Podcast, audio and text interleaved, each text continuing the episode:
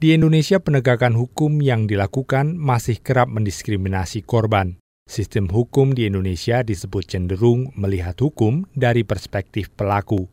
Dorongan menerapkan keadilan restoratif dalam hukum pidana di Indonesia menyeruak.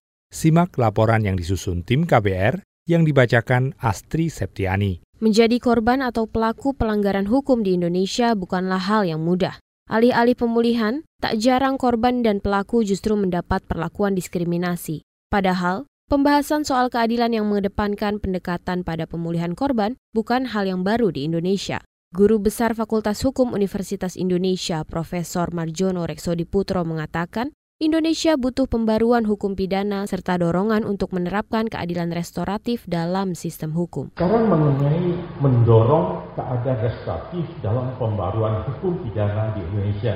Seperti disampaikan sebelumnya, maka keadilan restoratif dapat juga didekati dengan pandangan epistemologi. Dalam arti bahwa dalam sistem peradilan pidana, korban dan orang yang selamat dalam suatu kejahatan yang akan dia survivor sering kali terlupakan atau terabaikan. Guru Besar Fakultas Hukum Universitas Indonesia Marjono menyebut, melalui perspektif pendekatan korban, perlu ada perlindungan agar yang bersangkutan tak menjadi korban untuk kali kedua. Ia juga menyinggung pentingnya menyempurnakan rancangan Kitab Undang-Undang Hukum Pidana atau RKUHP yang sedang digodok oleh DPR dengan pendekatan keadilan restoratif. Direktur Eksekutif Rumah Cemara Aditya Taslim meminta pemerintah untuk mengkaji ulang sejumlah pasal dan rancangan Kitab Undang-Undang Hukum Pidana yang dianggap merugikan kelompok minoritas. Ia mencontohkan tentang orang dengan HIV AIDS yang dirampas haknya untuk mendapatkan akses layanan kesehatan. Tanpa RKUHP aja kita udah sangat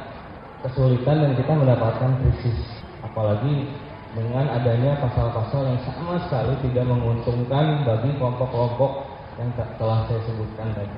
Yang jadi pertanyaan bagi saya adalah prinsip yang dua tadi, leave no one behind dan no financial hardship, terutama untuk kelompok-kelompok tertentu. Pada akhirnya yang saya takutkan adalah tanpa adanya perspektif dalam menghadapi isu kesehatan dari sisi-sisi lain, sisi-sisi sosial, sisi-sisi hukum, itu pada akhirnya Sementara itu, regulasi di bidang kesehatan juga dinilai kerap bersinggungan dengan persoalan pidana. Kepala Biro Hukum dan Organisasi Kementerian Kesehatan Sundoyo mengakui masih ada pengidap penyakit tertentu seperti HIV AIDS yang sering kali didiskriminasi. Seringkali masyarakat yang menderita penyakit-penyakit tertentu yang oleh masyarakat itu mindsetnya adalah oh ini, oh itu gitu. Itu sering kali adalah didiskriminasikan. Maka Kementerian Kesehatan mencoba untuk mengintervensi melalui kebijakan bagaimana agar masyarakat yang mengidap penyakit-penyakit tertentu seperti HIV AIDS itu juga harus mendapatkan pelayanan yang sama, harus mendapatkan hak yang sama.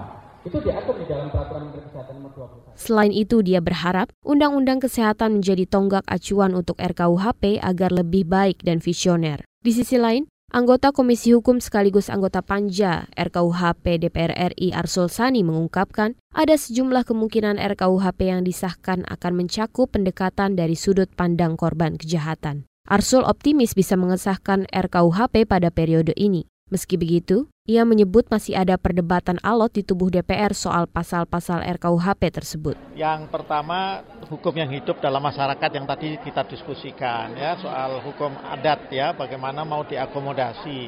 Yang kedua soal pidana mati.